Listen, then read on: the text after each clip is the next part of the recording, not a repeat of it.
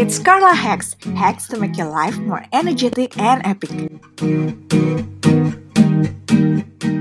Nah, oke, okay. kalau gitu kita langsung aja ya. Topiknya itu kan uh, life crisis in 20s, life for life victory in 30s. Nah, sebelumnya mm. teman-teman kalau misalnya pernah dengar ya sering banget ada istilah tuh bedanya orang umur 20, 30, 40 itu adalah kalau orang umur 20-an itu tuh energinya gede, uh, waktunya gede, tapi cuannya uh kurang.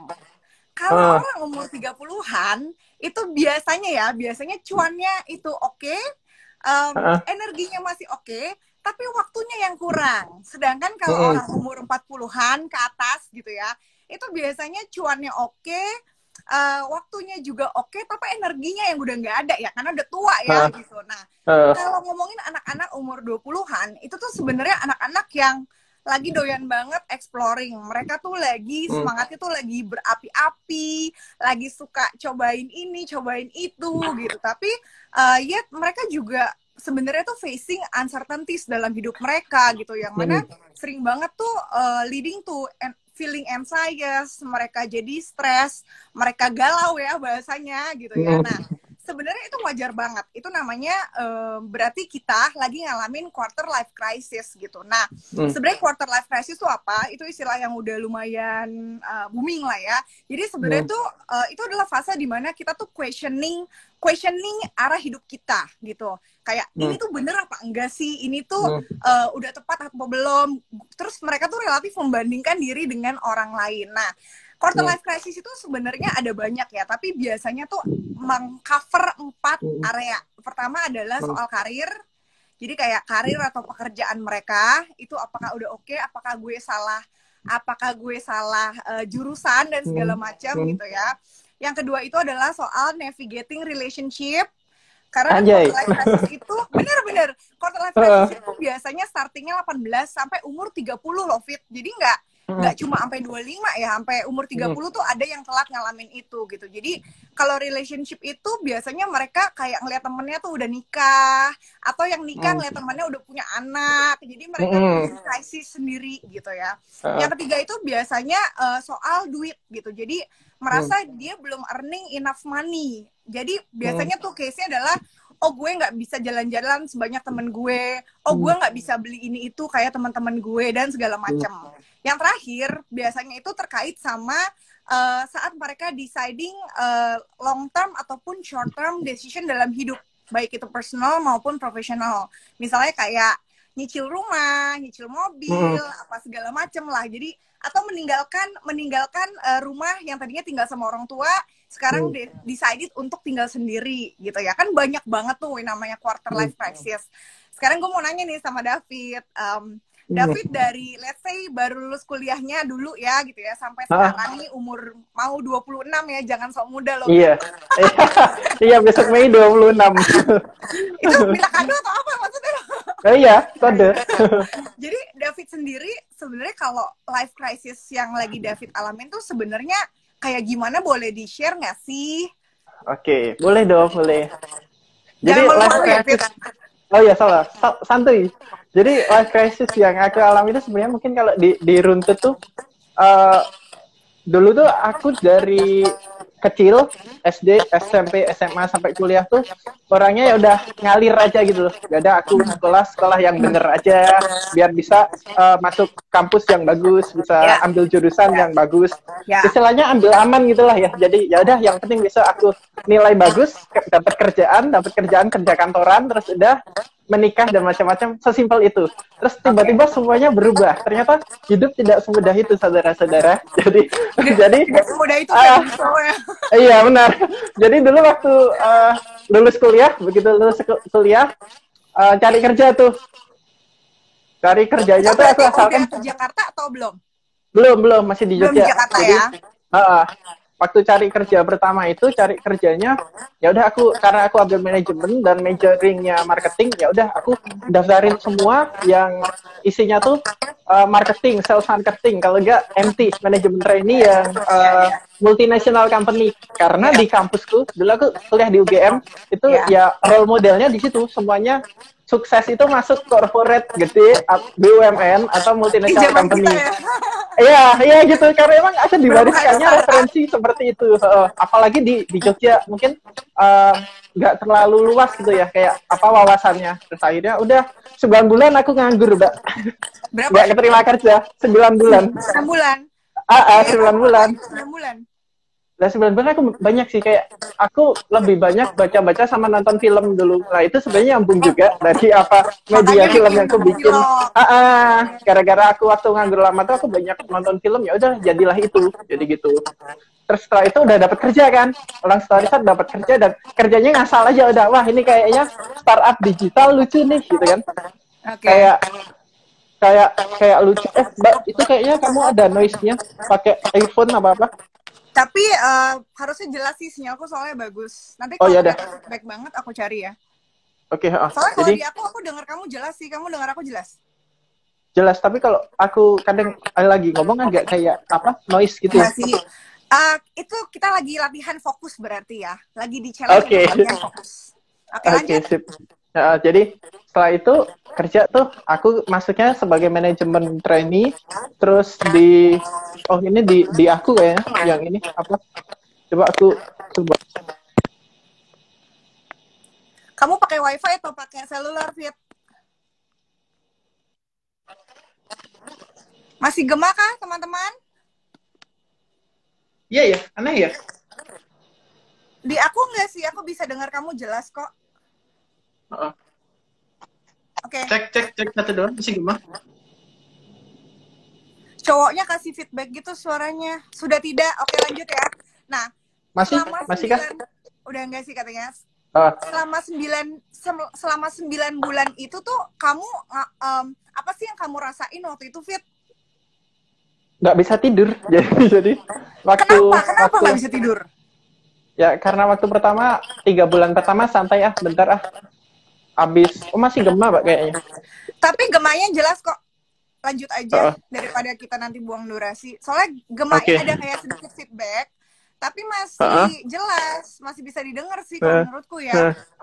Cek Teman-teman, oh cek bagusan sah. nggak pakai headset katanya Fit. Coba dia nggak pakai headset. Muka Coba kali ya teman-teman. headset. Teman-teman, ini kita sekaligus latihan fokus berarti. Tes. Nah Kamu kayaknya Jadi- harus lebih dekat Fit duduknya. gitu ya. Coba Iya, kamu harus lebih dekat. Oke, segini. lanjut. Oke. Nah, ah, ah. terus nggak bisa tidur tuh karena tiga tiga tiga bulan tiga bulan awal masih gemah ya. Kok bagusan pakai headset ya menurutku ya? Aneh aneh ini. Wah, Oh, better ini. sorry. Oh, katanya orang-orang better ini fit ya udah ini aja. Oh. Nah, terus kan udah tuh nggak bisa bisa apa namanya bisa tidur karena nggak tahu kerjanya ngapain tuh. Fit, ya udahlah Fit daripada nggak ada opsi, kan kita harus memaksimalkan waktu. Jadi kamu pakai headset aja. I think lebih clear buat gema, tapi lebih clear saat kamu pakai headset dibandingin kayak sekarang. Tes masih gemah kan? Di Tes, aku satu, sih enggak ya. Di aku enggak. Loh, sekarang David freeze. Halo? Dia sepertinya lagi switching signal deh. Yes, lanjut. Tuh nggak apa-apa, lanjut aja katanya Fit. Kedengeran kok, cuma ada sedikit gemak.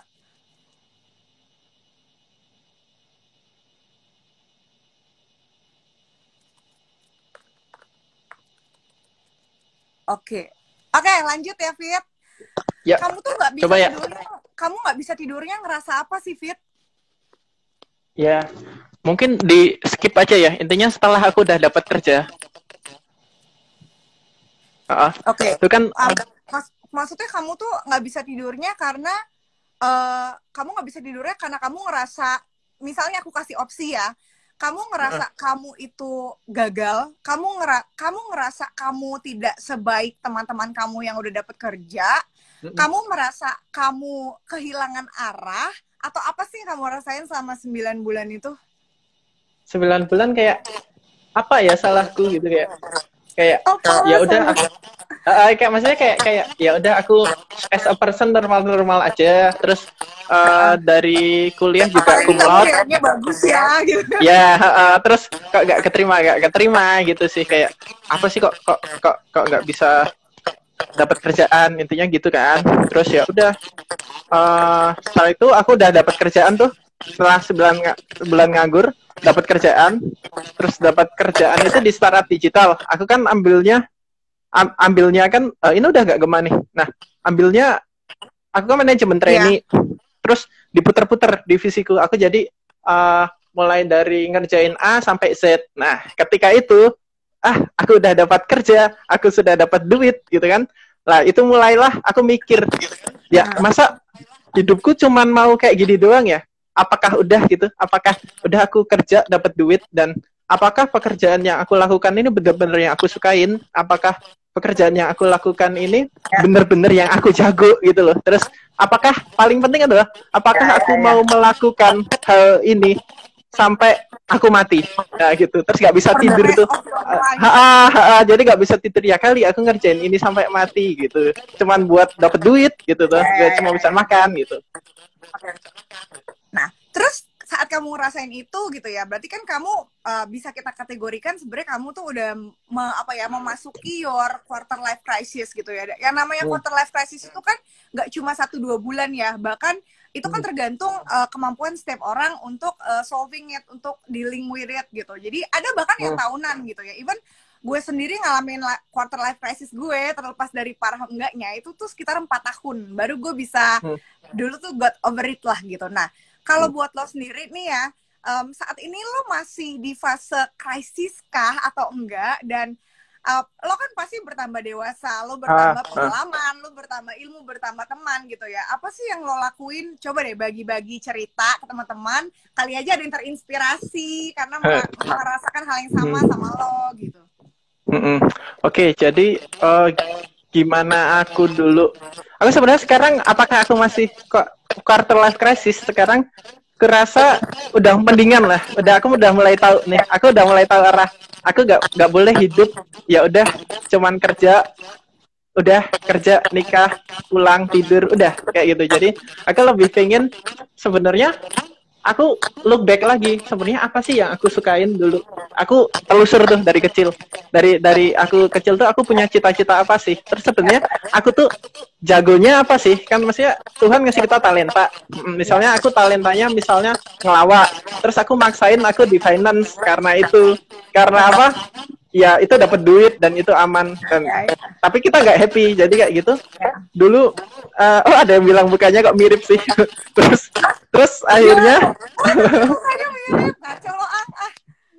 terus akhirnya dulu aku ini apa uh, karena nggak happy di kerjaanku waktu setahun jalan eh belum setahun berapa bulan jalan aku gak happy aku iseng-iseng dulu bikin ini konten. Aku bikin Instagram Instagram akun media digital gitulah. Sesuatu yang aku suka. Dari dari itu aku kayak pelarian gitu. Setelah aku bekerja bekerja selesai di kantor aku harus fulfill happy happyku ke happinessku apa? Akhirnya singkat cerita dari aku bikin uh, aku dulu bikin ini media tentang nostalgia gitu. Mungkin kalau teman-teman yang tahu tuh kayak ya? uh, pertama nostalgia kayak uh, bahas berbagai hal nostalgia dari musik terus dari kartun sampai macam-macam ternyata itu malah jadi. Terus tingkat cerita satu tahun oh kok followersnya bisa seratus ribu. Terus setelah itu aku mulai menemukan tuh hmm kayaknya dari kecil aku emang seneng entertainment aku seneng konten seneng yeah. bikin sesuatu yang menarik untuk entertain orang terus akhirnya aku mau resign di, dari perusahaan aku ditahan sama sama ini sama leadku dulu dibilang fit pegang kontennya perusahaan A ini dong. Terus gitu. Pegang ininya sosmednya dah. Dia gara-gara lihat apa yang gue kerjain di luar kantor. Nah dari lihat apa yang gue kerjain di luar kantor itu dia nawarin aku kerjaan yang relate lebih relate dengan kerjaanku ya udah aku mulai jalan di situ. Oh ternyata seru juga ya di sini. Oh mungkin yeah, yeah, yeah. ini aku mungkin di sini nih di di konten digital. Mungkin di gini. Akhirnya di kantor itu aku bikin beberapa media lah. Beberapa ada entrepreneur ada apa ada apa. Dan aku merasa happy. Dan aku mulai nemu nih. Wah kayaknya ini yang akan dilakukan. Uh, uh, uh, terus akhirnya kan aku bikin itu. Aku bikin akun film. Karena hobiku aku senang banget film aku mulai tahu tentang sosial media dan tentang konten aku bisa editing ya udah aku bikin itu. Ya sekarang ada lah 40 ribu followers dan aku sebenarnya pe pengennya melakukan itu tapi masih masih bingung juga apakah ini bisa dapetin duit apakah di jangka panjang ini relevan gitu kan? Yang pusing kan gitu apakah ini bermanfaat bagi orang lain? Apakah ini yang benar-benar aku sukai?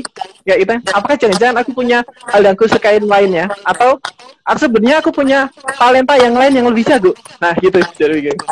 nah sebenarnya kalau tadi dari David cerita gitu ya kan gue kebetulan juga gue tuh kalau lo suka nonton ya gue suka nonton sih. Kan kita juga suka uh. men-share film uh, ini ya romantis dan drama ya. Yeah. gue sebenarnya lebih suka baca sih karena kalau baca tuh uh. Uh, ada theater of mind-nya gue bisa ngebayangin sendiri gitu nah jadi fit kalau yang gue coba pelajarin ya sebenarnya di quarter life crisis itu commonly tuh orang akan ngalamin empat fase sih yang pertama tuh hmm. biasanya lagi um, hmm. lagi uh, lagi apa ya lagi in, introduction tuh biasanya dia lagi feeling kayak lock atau lagi terjebak di sebuah keputusan atau something yang lagi dia jalin dalam hidupnya gitu ya. Hmm. Lagi kehilangan arah tuh biasanya dia lagi ngerasa di situ itu fase pertama gitu.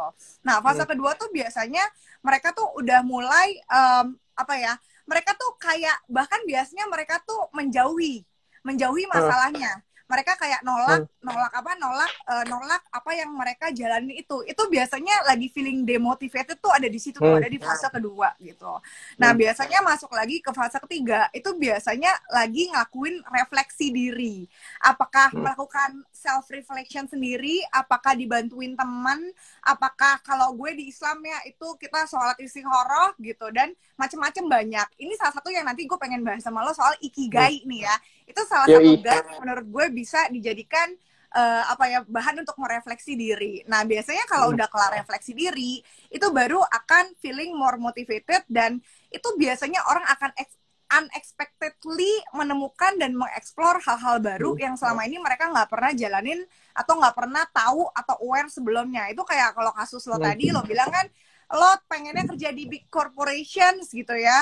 Lo even saat itu mungkin nggak realize lo punya bakat jadi seorang menurut gue ya jadi seorang entertainer ya. Konten itu kan caranya konten itu kan cara hmm. eksekusinya platformnya melalui sosial media gitu. Tapi hmm. ternyata lo tuh punya uh, passion dan lo suka itu saat lo memberikan informasi dan menghibur orang gitu. Nah itu hmm. nggak akan dilaluin kalau lo belum melakukan refleksi diri. Nah Betul. kayak tadi gue tertarik sama yang lo bilang ya. Tadi kan lo questioning yourself. Apakah ini yang gue suka? Apakah gue punya talent lain? Apakah gue jagonya cuma di sini? Apakah ini ngasilin duit? Apakah ini berguna? Itu kan sebenarnya prinsip hmm. ikigai ya. Yeah. nah kayak uh, mungkin uh, lo aja deh yang cerita biar gue nggak kebanyakan ngomong kayak coba uh. ceritain secara singkat deh gitu Fit ya sebenarnya ikigai itu apa dan bagaimana itu bisa membantu lo dalam melakukan refleksi karena ternyata lo juga udah tahu ikigai jadi gue gak perlu jelasin hmm. lagi kan yeah, jelasin nah. teman gitu hmm. Oke, okay, jadi halo teman-teman ini banyak yang komen ngopa ngopi ngopa ngopi. Sorry, saya tidak puasa teman-teman. Gak apa-apa ya, jadi, puasa ya. itu menambah amal ibadah kita teman-teman. Ini godaan, godaan buat menahan. Jadi uh, ikigai itu kan filosofi Jepang. Intinya kayak orang Jepang menggunakan ikigai itu kayak buat motivasi mereka hidup untuk lebih dan lebih lagi biar hidup nggak ngalir aja gitu loh. Ya, Intinya kan ikigai itu gimana kita dalam hidup tuh bisa imbang apa yang kita lakukan apa yang kita hidup itu bisa meliputi empat aspek bisa penuh di empat aspek ini yang pertama itu apakah kita melakukan apa yang kita sukain yang kedua, apakah kita uh, yang kita lakukan itu benar-benar yang kita jago? Apakah uh, itu talenta kita benar-benar? Kalau misalnya di di uh, di Alkitab, kalau saya saya Kristen gitu kan di, di, di, di uh, ada ada ada perumpamaan ketika kita dibikin uh, dikasih talenta A, B, C ya harusnya kita mengembalikan talenta itu dengan dengan apa? Dengan ya dengan porsinya gitu. Terus yang ketiga tuh apakah yang kita lakukan? Apakah hidup kita tuh uh, bermanfaat bagi orang lain gitu kan? Ada ada manfaatnya dan tentunya manfaat manfaat kan beda-beda. Apakah manfaat yang kita kerjakan tuh benar-benar manfaat yang kita inginkan? Bisa aja beda gitu kan? Ya. Terus yang keempat itu lebih ke ini paling penting dan paling realistis. apa apa yang yang kita lakukan itu uh, ini bisa menghasilkan uang apakah itu bisa menghidupi hidup kita itu yang penting kan gitu gitu gitu nah masalahnya dalam hidup tuh nggak semudah itu. Apalagi udah masih 20-an kadang aku udah melakukan yang aku sukain aku jago eh nggak ada manfaatnya eh nggak dapet duit terus kadang nah ini aku aku mengerjakan sesuatu wih duitnya banyak nih duitnya banyak. Terus uh, aku jago tapi sebenarnya aku nggak suka kayak gitu. Dan apakah sampai sampai mati aku akan seperti ini? Nah ya, ya. kalau di Jepang tuh orang Jepang yang lihat lihat itu malah jadi hidup tuh jadi terus apa ya? Terus bergerak bergerak karena aku harus mencapai ini. Jadi nggak nggak leyah-leyah doang gitu sih mungkin gue pengen nambahin dikit ya kalau gue sih ngelihat um, uh, bahasa simpelnya gini kayak this is the reason for being in life gitu kayak jadi hmm. saat ini adalah something yang bener-bener memotivate lo saat lo bangun pagi tiap hari. Kenapa sih lo ada di muka bumi ini gitu? Jadi this is the hmm. reason kayak kalau gue ya, um, gue mau hmm. agak Islami sih karena gue lagi Ramadan. Yeah. Tapi enggak, tapi gini, um, your your reason being itu bisa beda-beda setiap saat. Jadi namanya ikigai pun itu tuh dynamic ya, bisa berubah, nggak melulu satu dan setiap tahun over the years itu aja gitu. Karena gue pernah ya, karena gue mualaf gitu ya. Jadi ada nih ya satu tahun pertama saat setelah gue mualaf, lo tau nggak? Hmm. Setiap gue bangun pagi, gue selalu punya statement self statement ini ke otak gue. Hari ini gue akan berkarya, karena hidup gue adalah untuk Allah. Itu gue pernah sampai kayak gitu gitu. But anyway, ini uh, reason for being itu beda-beda gitu ya. Intinya ada empat faktor nah. kan tadi yang lo jelasin. Satu, bahkan nggak cuma sekedar suka lo fit. Kalau memang lo pengen hmm. reaching ikigai, harusnya tuh sampai cinta. Bener-bener okay. lo ngerjain ini tuh pakai hati. Jadi nggak cuma like tapi love ya gitu. Jadi cinta, jago, uh, impactful, gue gak tau bahasa Indonesia-nya apa, ya, impactful, nah. bermanfaat gitu ya. This is what the world needs gitu ya. Yang nah. terakhir cuan gitu. Nah, hmm. tendensinya adalah kalau anak umur 20-an, termasuk gue dulu ya gitu.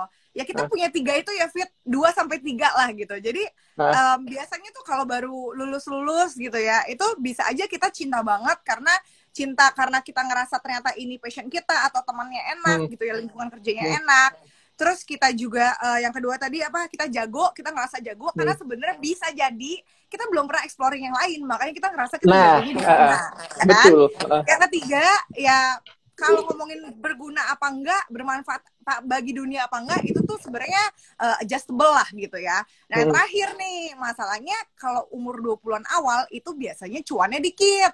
Jadi ah. kalau mau dapetin cuannya itu biasanya tuh cari side job, ngelakuin yang lain dan segala macam gitu. Nah, kalau lo sendiri gitu ya, Fit, lo merasa nah. apakah seperti yang lo bilang tadi, lo udah dua menuju ketiga atau lo merasa saat ini di umur kan let's say di quarter life crisis lo lagi halfway nih ya umur 25 yeah. nih menuju umur 30 yang harapannya lo sudah bisa melalui uh, quarter life crisis ya. Hmm. How do you see yourself? Lo udah di mana sih? Uh, covering okay. Ikigai ini udah di udah covering berapa faktornya dia gitu? Oke, okay. pertama kalau yang yang kita sorry, uh, ya minum kopi mulu sih. Jadi kalau yang pertama, kalau yang apakah aku suka aku cinta? Sebenarnya aku suka aku cinta. Tapi sebenarnya aku pengen lebih eksplor lagi wadahnya atau caranya lebih yang lebih kreatif yang lebih mengeksplor aku sih kayak ya, ya, ya. ya aku gak cuma maksudnya kalau aku suka konten ya aku gak cuma bahas konten film jadi sosial media. Aku pengennya kan uh, aku bisa bikin YouTube aku bisa bikin podcast dan lain-lain. Atau jangan-jangan aku bisa bikin konten lain selain film dan macam-macam. Terus kalau di apakah yang kulakukan ini aku jago beneran? Kurasa ya aku jago. Tapi sebenarnya di dalam lubuk hatiku, aku punya wah kayaknya aku ada uh, bakat terpendamku yang sebenarnya aku lebih jago dari ini dan sebenarnya ini lebih aku lebih effortless melakukan itu. Misalnya kayak uh, ngelawak gitu loh yang yang macam-macam bercanda. ya jadi jadi jadi da, aku tuh punya lucu punya cita-cita lucu kalau ditanyain. Fit uh, cita-cita lu apa sebenarnya? Gue pengen jadi talk show host modelan kayak uh, modelan kayak Desta Vincent atau modelan kayak Sule Andre.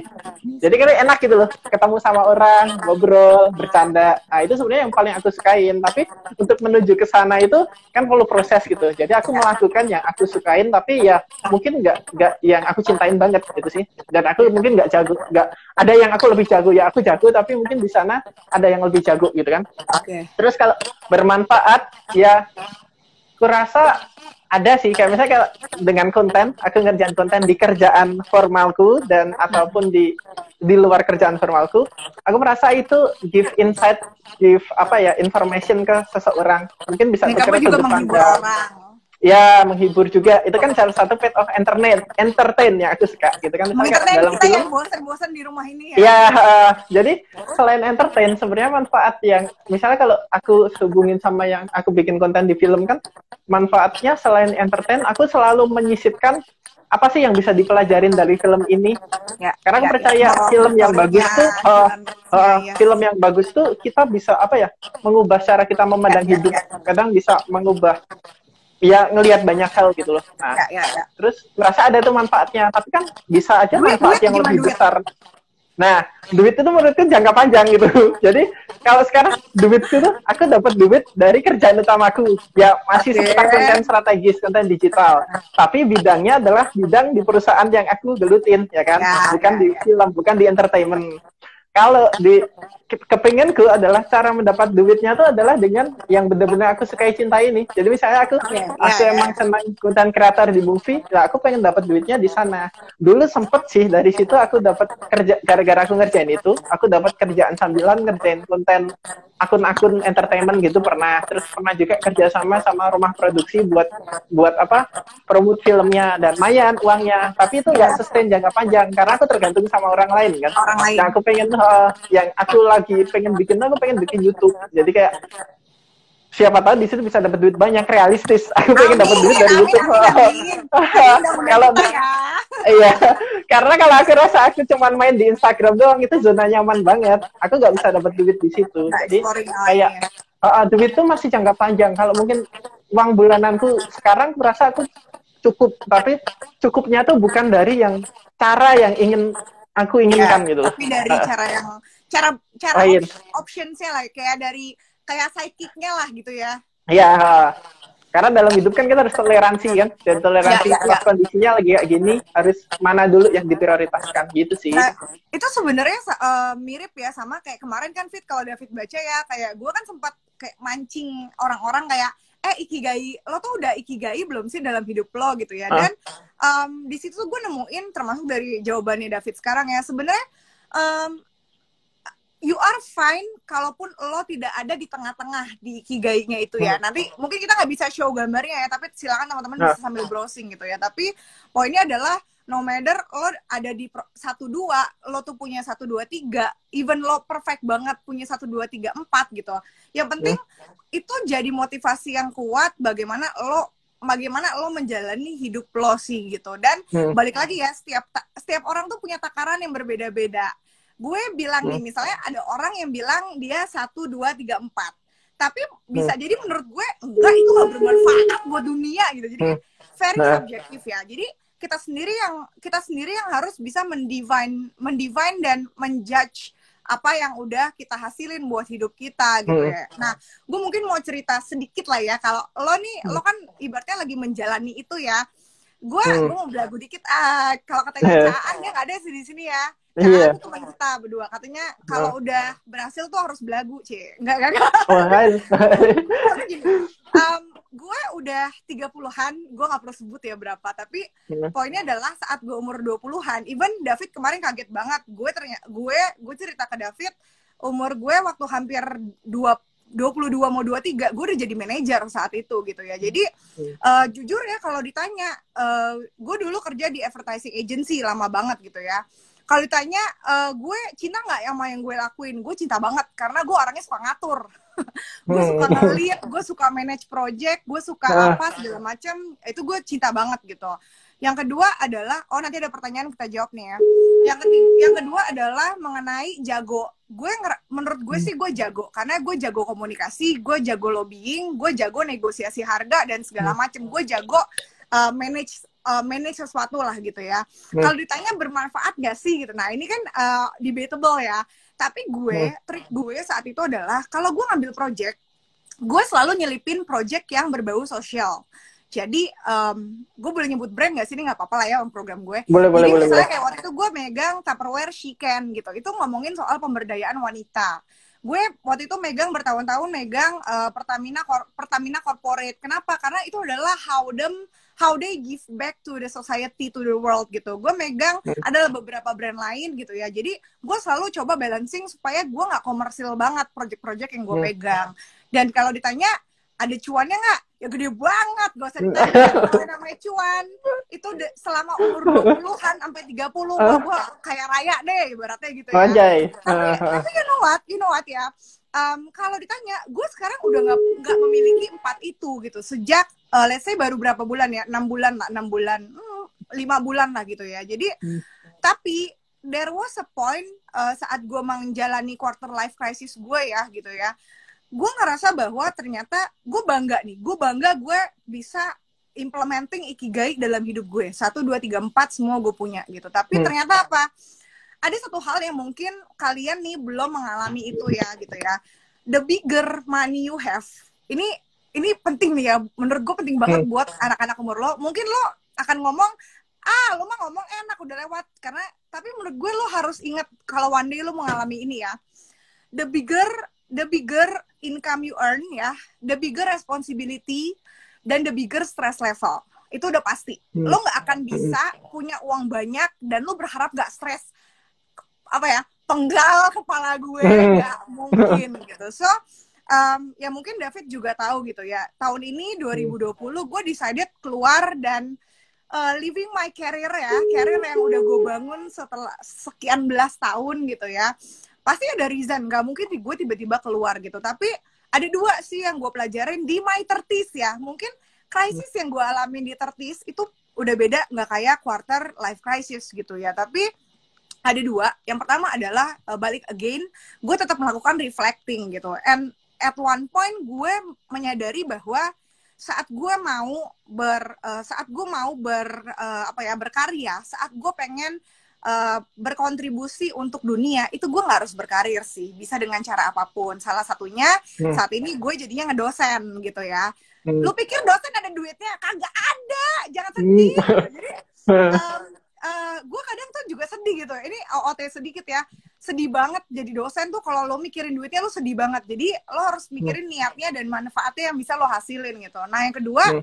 tadi pertama reflecting ya. Yang kedua adalah enjoying gitu. Jadi you have to enjoy apa? Om buka dikit dong. Oke. Okay. you have to enjoy the process gitu. Jadi kayak um, karena gue orang yang dulu tuh dulu ya di 20-an itu gue orang yang uh, result oriented pokoknya gue hmm. akan melakukan segala apa pun ya yang penting uh, gue dapetin hasilnya gitu tapi hmm. sekarang gue orang yang lebih menghargai proses sih daripada result karena hmm. you'll never know saat lo menjalin gue nih gue ya mungkin di sini ada beberapa sahabat gue yang ikutan ya Hmm. gue lima bulan ini stres gak stres jujur awalnya stres ya um, di sini ada Yuven belum ada da, belum datang lah ya hmm. Yuven tuh bilang kak lo beda banget sih sama satu bulan setelah lo resign dari karir lo kenapa gue hmm. dia bilang tuh gue tiap hari tuh WhatsApp dia dan ngedumel ngomel apalah segala macam gitu ya itu maybe itu adalah uh, masa adjustment gue masa krisis gue gitu tapi uh, apa ya kita out yang gue rasa ini walaupun gue sekarang nggak nggak punya penghasilan sebanyak dulu gitu ya berarti kan gue udah nggak ikigai dong udah nggak dapet yeah, yeah. gitu ya uh. tapi ternyata gue bisa ternyata gue hmm. enjoy hmm. dan takarannya balik lagi gue selalu bilang pokoknya kalau gue nggak jerawatan itu berarti gue nggak stres gitu okay. dan um, seiring dengan lo nanti bertambah umur mungkin gue beda sama orang-orang yang ngomong di depan publik sana ya. Tapi hmm. in my experience, karena David tahu banget ya, gue lahir dari keluarga tajir, orang tua gue bangkrut, bangkrut banget gitu ya. Dan gue bangkit dengan jeripaya gue sendiri. Dan ternyata duit tuh nggak segalanya sih, Fit. I mean like, mm, hmm. duit itu nggak, nggak. Oke, okay, gue setuju. Ma money can buy things di mana things itu bisa bring you happiness. Gue setuju ya. Hmm. Tapi um, lu punya duit juga buat apa? Emang lu bawa mati? Hmm. Sekarang gue tanya, kalau amit-amit jabang baik ya, kita tiba-tiba kena covid gitu, kita mati duit kita kita bawa mati nggak? Enggak kan gitu. Jadi so poinnya adalah duit penting, tapi ya biasa-biasa aja gitu. Jadi nggak usah Hmm. nggak usah greedy gitu, nggak usah greedy, nggak Hmm. usah apa gitu. Karena kayak gue gitu ya, duit gue mostly 50% tuh habis buat gue shopping. Selama ini ya, selama ini. Hmm, hmm, hmm. sekarang di rumah kayak gini buat apa coba tuh? Barang gue baju gue tas gue jam gue semua buat apa? Nggak kepake itu sih. Atau kalau lo Akhirnya di gimana? garage sale ya, ah, dijual. dijual dijualnya murah Oh, dijual kan akhirnya. Turun harga. Iya. Nah kalau lo sendiri em, ada nggak sih something yang lo alamin em, udah mengalami sedikit perubahan? Lo kan umur 25 dibanding lo umur eh, 20 dulu atau sebenarnya lo masih evolving aja tapi sebenarnya masih on track? Oke.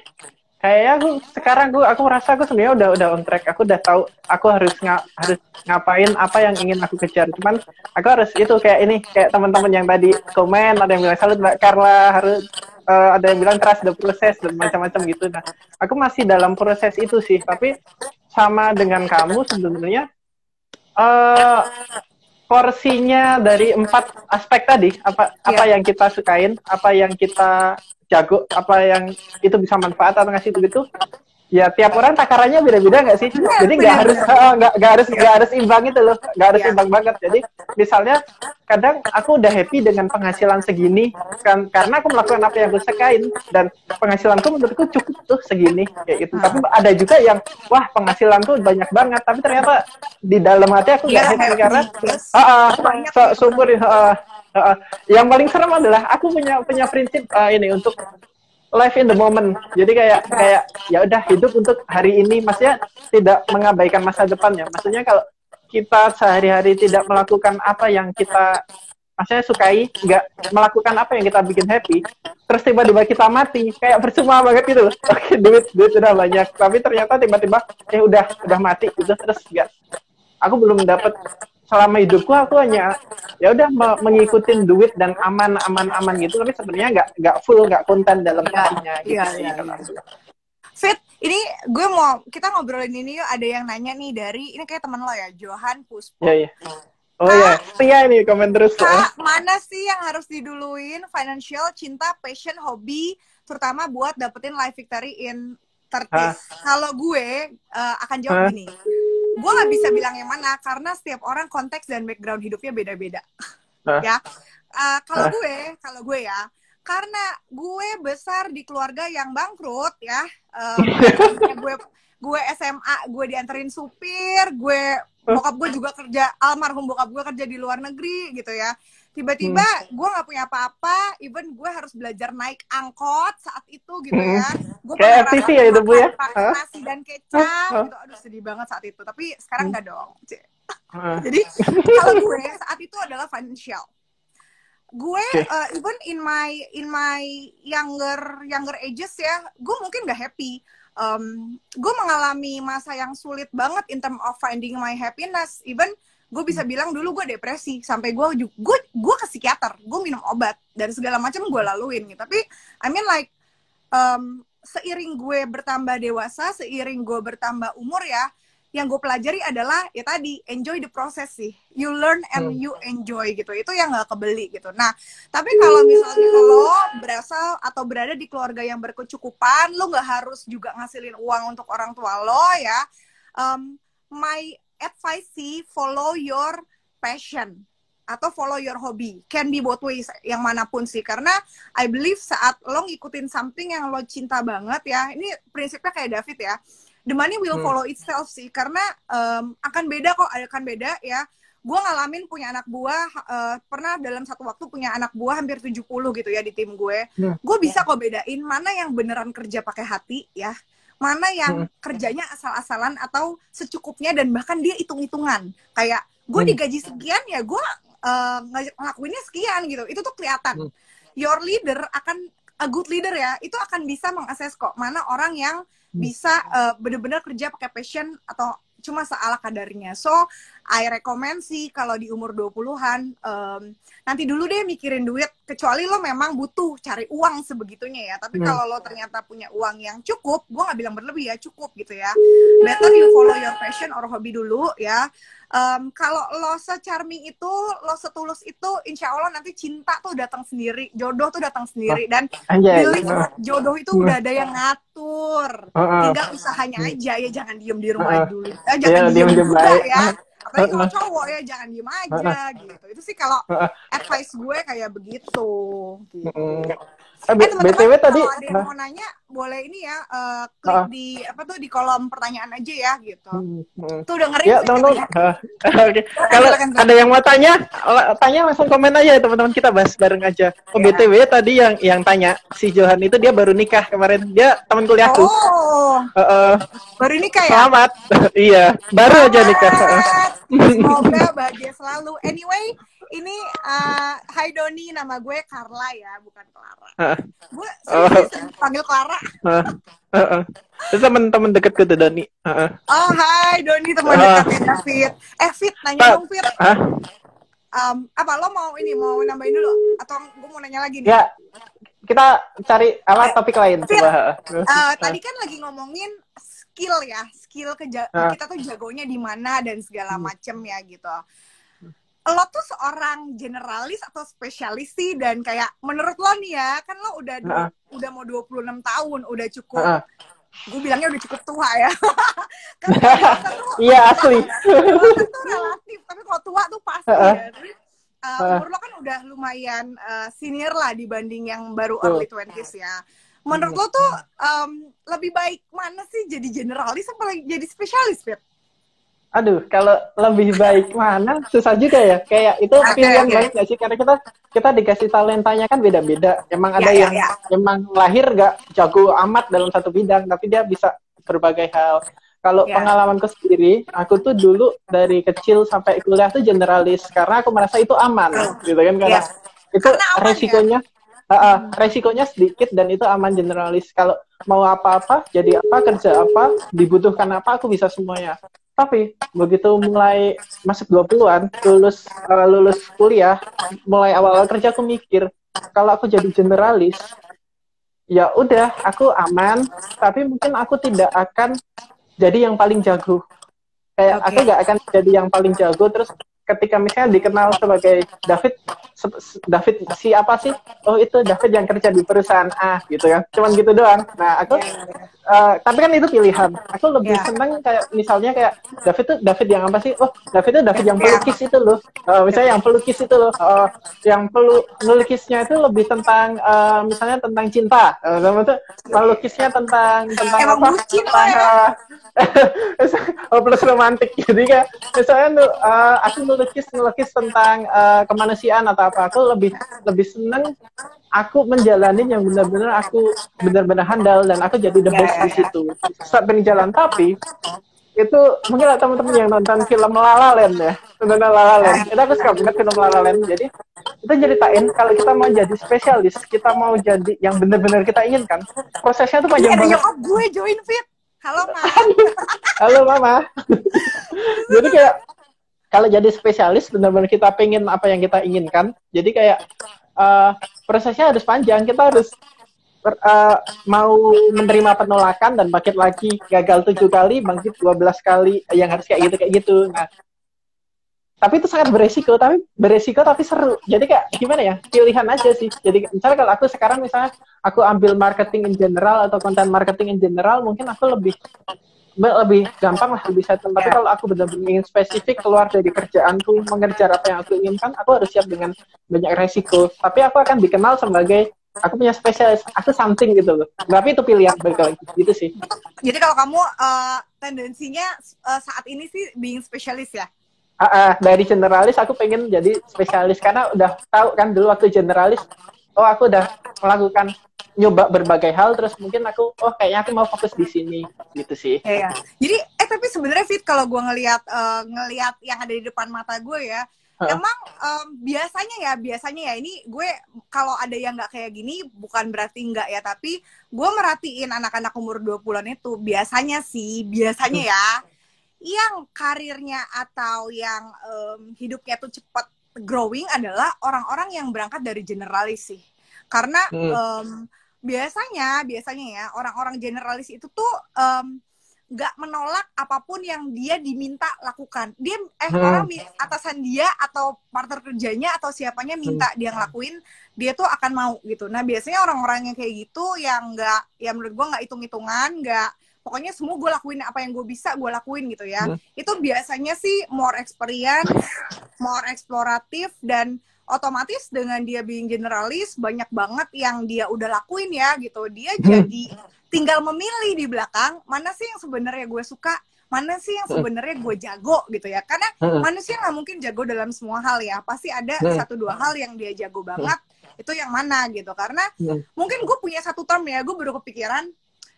You you gotta be general generalist first and then you have to be focus gue nggak hmm. bilang spesialis kenapa karena gue tuh sampai sekarang gue generalis loh. Gue nggak spesialis. Jadi kalau ditanya specialty lo apa gue bilang gue bukan spesialis tapi gue fokus. Fokusnya apa? Fokus everything yang related ke consumer gitu. Nah itu hmm. apa? Itu banyak. Ada marketing ada branding ada business development ada research. Karena justru gue memulai uh, memulai karir gue jadi researcher justru ya uh, hmm. sebelum gue kerja di agency gitu terus ada hmm. apalagi ya bahkan sales gue pernah ngejalanin gitu jadi I think uh, the more important thing itu adalah fokusi fokus sebenarnya hmm. tahu scope area lo yang mana karena apa hmm. fit sebenarnya bahaya juga lo fit kalau misalnya orang tuh kekeh jadi spesialis ya uh, I'm sorry ya kalau ini isunya agak sensitif ya di tengah covid gini ya uh, biasanya ya biasanya perusahaan itu mempertahankan orang yang uh, selain dilihat attitude-nya ya dilihat salary-nya juga mungkin gitu ya uh, biasanya perusahaan tuh akan uh, lebih mempertahankan orang yang generalis sih orang yang bisa hmm. banyak hal dibanding orang yang bisa hmm. satu dua hal ya biasanya hmm. ya biasanya so hmm. I think sebenarnya kalau gue mungkin agak beda dikit ya tapi sebenarnya ada hmm. irisannya kalau gue menyarankan teman-teman ya lebih baik tuh jadi generalis tapi lo tahu lo punya fokus di mana atau lo punya spesialis di mana sebelum dari awal karir lo lo langsung decided lo mau jadi spesialis sih gitu sehingga lo lebih kaya lah gitu lebih kayak pengalaman yeah. lebih kayak um, ilmu gitu. Hmm. Nah, Fit, okay. mau nanya ini eh tadi ada yang mau ada yang nanya gak sih kalau kata mantan ada. manajer gue ngapa? Oh ya. Kalau uh. kata mantan manajer gue ngapain kamu keluar dari zona nyaman? Bukankah hidup mencari kenyamanan di akhir? Gimana nah, tuh? Kalau punya kalau punya pacar nyaman, tinggalin, tinggalin. Tuh, lanjut Kak, coba dijawab gimana tuh Kak? Gue gue gak setuju loh Fit lo ngomong gitu Fit. Gue gak setuju, gue gak setuju pacar eh enggak itu bercanda. Itu bercanda. Oh, itu bercanda pak. Itu bercanda. Kan gini oke okay, menurut gue uh, Doni coba ya bilang sama mantan manajer lo tanya ke dia define nyaman tuh apa? Nah yeah, uh. gue mau komentar sedikit ya soal ini nih. Ngapain kamu keluar dari zona nyaman kalau ujung-ujungnya nyari kenyamanan? Karena menurut gue gini, gue pernah uh, lama banget di satu agency itu tuh almost 10 years lo bayangin 9 tahunan gue di sana. Kayak hmm sampai nama gue tuh sudah terasosiasikan dengan agensi tersebut gitu ya. Um, orang tuh banyak yang bilang gue ada di zona nyaman gue. Orang ada yang bilang gue tuh kayak katak dalam tempurung. Bahkan sebelum gue akhirnya decided keluar orang tuh ada yang bilang lalu pilih mana? Jadi ikan besar di kolam kecil atau ikan Aku kecil yang bisa jadi besar di kolam besar? Dalam hati gue lu sotoy banget men sama hidup gue. I mean like buat gue yang namanya zona nyaman adalah when you feel stuck and you don't grow. Jadi uh, uh, kalau uh. lu nggak berkembang, lu nggak punya skill baru, lu nggak punya pengetahuan baru, lu nggak punya cuan lebih banyak, itu namanya lu nggak growing, lu ada di zona nyaman. Tapi saat lo ternyata makin jago sesuatu, lu makin banyak network, lu makin menemukan hal-hal yang lu sukai gitu ya, hmm. makin fokus tadi, duit lu makin banyak itu sih namanya bukan zona nyaman. Jadi hmm, karena kita improve ya. Nih. Iya, tergantung hmm. maknanya zona nyaman itu apa. Karena orang tuh suka bilang ah dia ada di comfort zone. Tapi pertanyaannya lu ngerti nggak sih comfort zone tuh apa gitu sih? Kalau menurut ya, David gimana? Nah, aku kemarin juga baru ngobrol tuh sama temanku. Temanku juga bilang gini, uh, katanya kita tuh harus keluar dari zona nyaman. Tapi dia yeah. bingung, maksudnya, loh, bukankah kita hidup cari kenyamanan kayak yang Doni tanya? Tapi bener, kayak sebenarnya zona nyaman tuh definisinya apa sih? Kalau aku sebenarnya sama ya Kak Carla. Jadi kayak lebih apakah uh, itu tuh bisa bikin kita improve atau enggak. Misalnya sim simpelnya contohnya aku gini ya. Misalnya aku mengerjakan konten kreator aku di sosial media selama ini, konten-konten sosial media. Itu zona nyamanku. Gimana yes, aku yes. bisa keluar dari zona nyaman adalah aku tetap melakukan hal yang sukai. Jadi tetap bahas film, tetap bikin konten, tapi di media lain itu akan menantang aku nggak, akan bikin aku takut nggak. Misalnya aku bikin di YouTube, aku bikin di podcast. Nah, menurutku keluar dari zona nyaman tuh kayak gitu. Jadi masih related sama mungkin apa yang kita sukain, apa yang kita capable, tapi uh, apa, itu bisa uh, grow kita bisa nambah ya, skill, bener. bisa nambah ya, ah, ya gitu. Reach, ya. Dan uh, dan aku lagi ini lagi merasa diriku sendiri pecundang ya. nih. Kayak merasa bilang buruk bikin gini karena aku fit buruk bikin YouTube. Ya kali lu cuman bikin uh, di sosmed doang buruk bikin YouTube. Nah aku sedang pertama aku ingin bikin gitu. Karena kan aku takut bisa oh bikin YouTube ntar viewersnya lah males. Aku harus effort aku harus lembur kayak gitu. Ah bikin gini aja lah enteng gitu. Tapi kan sebenarnya kalau aku bikin YouTube aku belajar skill baru aku belajar banyak hal yang nggak aku tahu dan aku dapat tantangan baru gimana cara ngesolve itu jadi zona nyaman keluar dari zona nyaman tuh seperti itu sih kalau de, uh, dari aku. Iya benar. Eh, gue jadi pengen nambahin nih. Um, apa ya um, kan tadi lo bilang kayak lo sebenarnya udah punya target ini itu tapi sekarang hmm. lagi pushing yourself untuk melakukan itu gitu ya um, gue tuh pengen cerita jadi ya. Gue tuh dulu sering banget ya waktu gue umur 20-an nih orang tuh sering banget menceramahi gue. Tau nggak? Mereka bilang gini lah you're pushing yourself too hard. Lah lo jangan sebegitunya. Kayak gue sering banget gue sering banget dibilang kayak gitu ya. Tapi buat gue apa? Sekarang gue bisa bilang see I am one step ahead from you. Karena I hmm. work that hard saat itu gitu. Kayak kalau dulu gue nggak sekerja keras itu nggak sampai gue pernah dua malam nggak tidur ya ngerjain kerjaan gue gitu. Karena gue mungkin nggak gue mungkin sekarang income-nya masih sama sama lo semua. I'm sorry ya gue bukan bermaksud bersombong tapi poinnya adalah sometimes you have to work very hard not only smart. sih kayak gue tuh sering banget denger orang bilang work smart lah not hard menurut gue harus dilihat konteksnya dulu gitu yes benar lo harus work smart tapi there are times that you need to work hard sih even harder than other people kalau enggak lu nggak akan bisa lebih maju dari saat ini lo sekarang ada di mana gitu ya karena ya um, balik lagi setiap orang punya background yang berbeda. Gue gue sama lo hidupnya hampir sama nih Fit. Kita mengalami life struggle yang berat banget dulu ya di umur 20-an kita. Hmm. Makanya kita se getol ini nih ngejalanin hmm. hidup gitu. Nah, maybe nggak semua hmm. orang kayak kita juga kan balik lagi. Hmm. Ya it's fine karena konteks setiap orang beda-beda ya, background setiap orang juga beda-beda.